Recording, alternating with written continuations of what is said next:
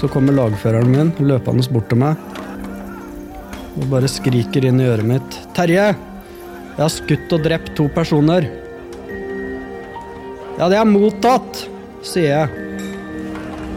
Våre historier, en podkastserie fra Forsvaret.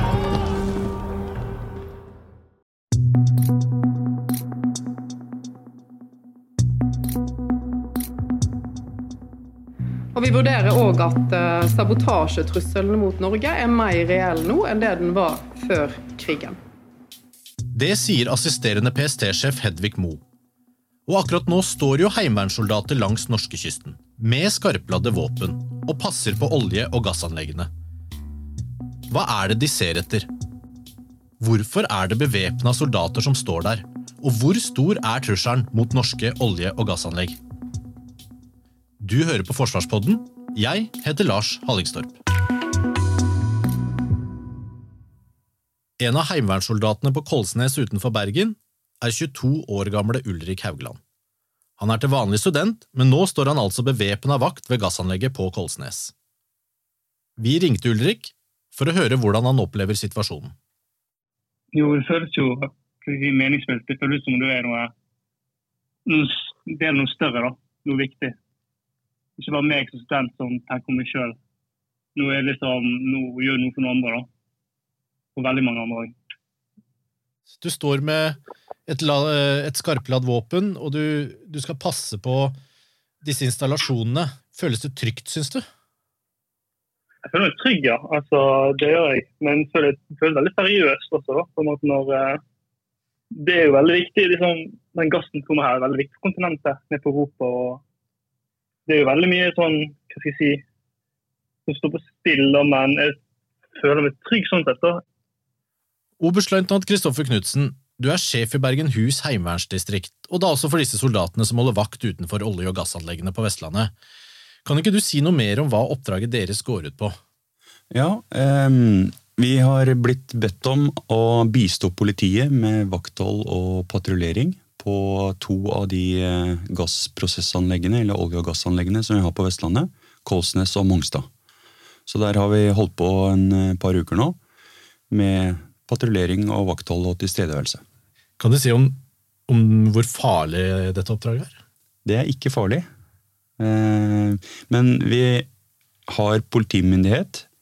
Hver en og enkelt får, får gitt politimyndighet av politiet begrenset for oppdraget.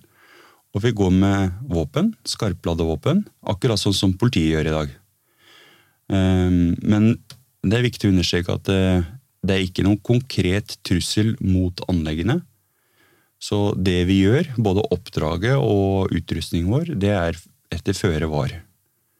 Så eh, vi er til stede fordi det er behov for å styrke beredskapen, og det er det oppdraget vi løser. Men du som eh, militær til daglig selv, opplever du situasjonen nå som farlig? Nei, jeg opplever ikke situasjonen som farlig. Jeg opplever situasjonen som alvorlig. Og, eh, og, noe som vi må tenke over og forberede oss på, men ikke farlig. Det er ikke noe trussel mot, eh, mot Norge i dag. Det som jeg tror kanskje er viktig å få frem, det er at vi har levd veldig lenge i Norge med fravær av krig som en trussel. Krig har vært helt utenkelig i godt over 30 år. Og så skjønner vi nå, med det som skjer i Ukraina, at det er det ikke lenger. Den tiden er slutt. Så vi må gjøre en del tiltak nå, eh, både den enkelte i samfunnet og organisasjoner som jobber med kriseberedskap og beredskap generelt, for å sette oss i stand til å håndtere også krig. Og det kan virke veldig voldsomt, men det er ikke farlig. Det er egentlig slik det har vært i, i mange, mange år, for de som begynner å trekke litt på åra som meg. Eh, og så ble det slutt eh, utpå begynnelsen av 90-tallet. Eh, og nå er det dessverre tilbake igjen slik at eh, vi, vi, må, vi må ta inn over oss at krig kan skje også i vårt nærområde. Dette er jo et skarpt oppdrag, hvor det står med skarp oppladde våpen. Hvor ofte gjør dere det? Det gjør vi ikke ofte. Så etter hva jeg vet, så er det første gang, i hvert fall i nyere tid, at vi gjør det med skarp, skarp eh, bevæpning. Det gjør vi jo både fordi at eh, oppdraget vi har trent på på de objektene, her, det har vi jo trent på med våpen og utrustning. Men så ser vi at politiet har jo bevæpning, og vi opptrer som polititjenestemenn, og derfor er vi også bevæpnet. Så det er jo i tråd med den, eh, den situasjonen og den utrustningen som politiet velger at vi skal ha. Og vi er, vi er veldig komfortable med å løse det på den måten. Det, det er i tråd med det vi trener på. Altså, dette oppdraget kom da etter at regjeringen beslutta økt beredskap ved norske olje- og gassanlegg på land, eh, som følge av at det ble sprengt hull i denne gassledningen i Østersjøen nå i oktober. Hva konkret er det, er det dere ser etter? Ja, Nå har det jo vært mye i eh, mediene om eh, droner og skumle ting. Eh, så det er klart at det ser vi jo etter. Så vi vil ikke gå i detalj med akkurat hva vi gjør og hvordan vi løser oppdraget, men det er jo unormal aktivitet. Vi ser etter at de som skal inn på anlegget, har noe der å gjøre. Og eh, overvåker eh, anleggene rundt omkring og patruljerer og kjører rundt og følger med. Har dere sett noe mistenkelig eller opplevd noe slikt eh, som du beskriver ennå? nå? Eh, det vi ser, det melder vi i så fall fra til politiet, og så er det politiet som håndterer det. Så ja, Det vil ikke være noe mer konkret? jeg vil ikke være noe mer konkret enn det. Nei. Dette er jo eh, landanlegg først og fremst, men dere, er det noen måte Heimevernet også passer på disse rørleggen- selve rørledningene som går eh, ut fra anleggene og mot Europa, blant annet? Nei, alt det som eh, går i sjøen, det er en oppgave for politiet, men også for Sjøforsvaret. Så der, eh, der driver jo Sjøforsvaret veldig aktivt, Sjøforsvaret og Luftforsvaret, med, med maritim patruljering. Så de driver veldig aktivt både med Kystvakta, med Marinen, med maritime patruljefly, og også faktisk eh, allierte fartøy som, som støtter Sjøforsvaret i det oppdraget der. Så vi kan vel kalle det vaktholdet vi har på olje og gass nå, en ekte fellesoperasjon. Hvorfor er det akkurat Heimevernet som kalles inn til denne typen oppdrag? Ja, Det tror jeg er eh, flere årsaker til det, men eh, først og fremst så er det fordi at eh, dette er jo den type oppdrag Heimevernet skal løse. Og da helst i krise og krig. Men dette er et oppdrag som vi trener på. Vi har områder dedikert til disse to lokasjonene. Og, og vi er godt forberedt på å løse den type oppdrag. Og så er det jo også sånn at eh, Heimevernet har et eh, særskilt ansvar for sivil-militært samvirke. Og det gjør vi jo hele tida gjennom hele året. Og så ikke minst så er Heimevernet er jo territorielt ansvarlig for størstedelen av Norge, Nordland og sørover. Og Derfor er det naturlig at eh, det er Heimevernet som løser denne type oppdrag.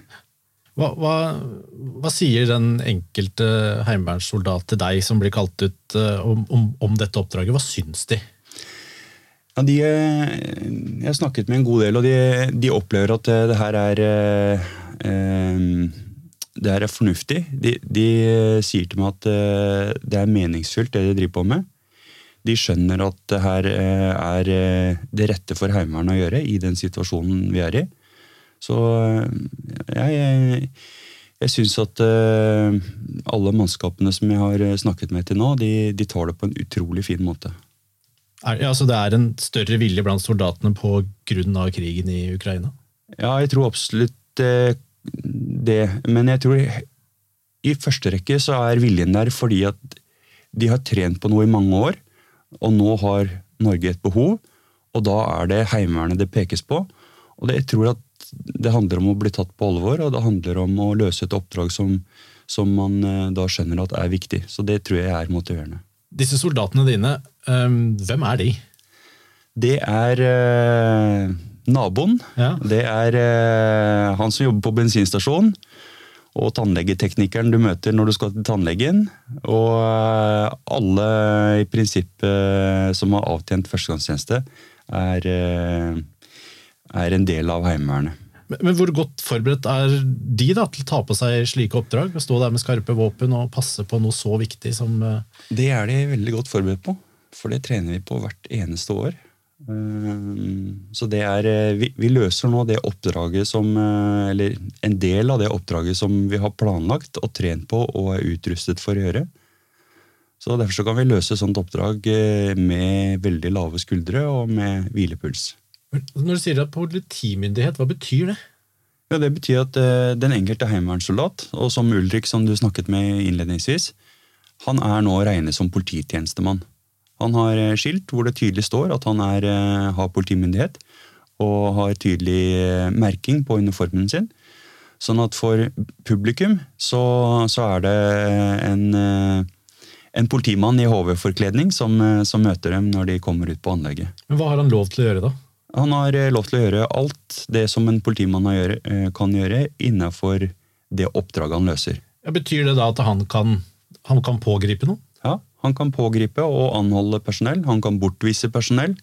Og han kan egentlig gjøre alt det som, eh, som folk opplever at politiet gjør i, i utøvelsen av sitt arbeid. Kan han skyte ned en drone?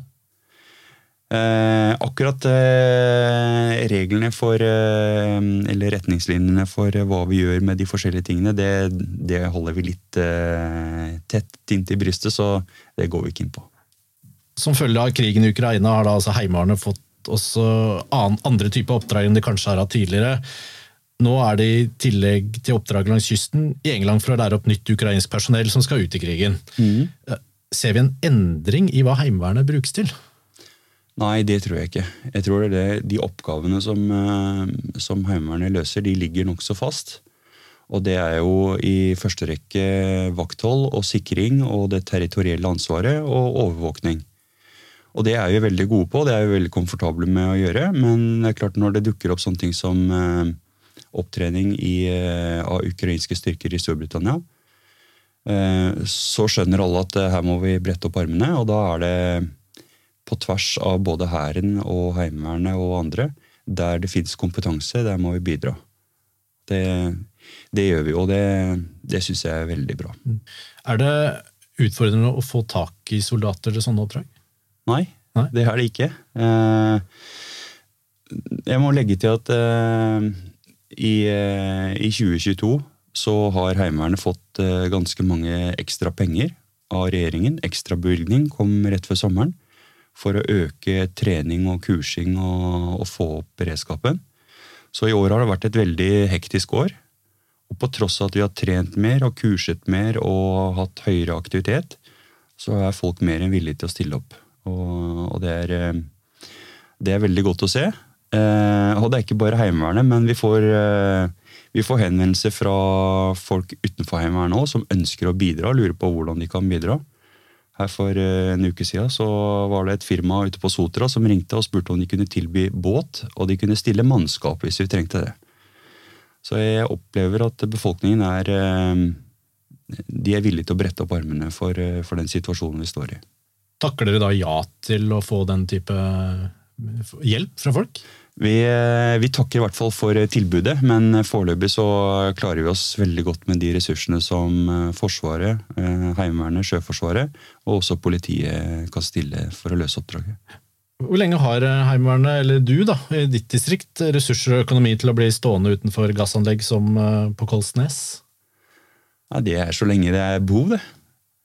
Vi løser oppdraget så lenge det er behov for det. Ja. Og så får vi krangle om regninga etterpå. Det, det er sånn vi må gjøre det. Og hva er, kan du si noe om hva er, øh, opp, altså, hva er disse anleggene gjør for noe? Produserer, de produserer gass? Ja, eh, raffinerer eh, Kolsnes leverer 40% av all gass som går fra Norge til Europa. Eh, så det er en, en betydelig andel av det vi sender ned til Europa. Eh, Så der kommer gassen fra, fra sokkelen inn til eh, landanlegget. Og så prosesseres den, sånn at den gjøres om til salgbar form. Tørrgass, som det heter. Og så sendes det i rør til, til Europa. På Mongstad så er det en litt annen produksjon som foregår. Blant annet så produseres det drivstoff der. Det er Norges eneste drivstoffraffineri, eller oljeraffineri. Eh, Og det mm, produseres en rekke andre ting også.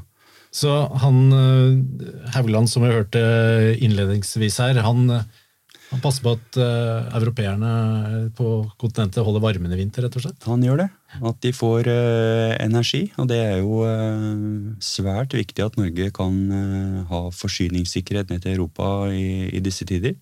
kompensere litt fra, for den energikrigen som etter hvert eh, Russland har satt i gang mot eh, Europa. Jeg tror forsvarsviljen den er langt sterkere enn det vi kanskje snakker om til vanlig. Hvis vi kjenner litt på, eh, på det, noen av hver av oss, så tror jeg at Heimevernet og Forsvaret det gir en trygghet. Det er stor tillit til Heimevernet og til eh, Forsvaret i, i befolkningen. Og det at vi er til stede og synlige, det, det tror jeg, når det drar seg til, det gir folk eh, litt uh, trygghet. Da. Hvor ofte får dere slike bistandsanmodninger fra politiet? Bistandsanmodninger, det får vi ganske ofte. Uh, men uh, da går det ofte på å bistå med søk og redning og andre typer ting. Det å stå på disse anleggene med skarp ammunisjon, det har vi ikke gjort før i moderne tid, så det er noe helt nytt. Og det, det understreker vel alvorligheten i den situasjonen som vi har i dag. Du har hørt på Forsvarspodden. Hvis du liker podkasten vår, del den gjerne med venner og kjente. De som har laget Forsvarspodden er Kristine Hellesland, Hege Svanes, Thomas Haraldsen, Fredrik Tandberg, Jørgen Lyngvær og meg, Lars Hallingstorp.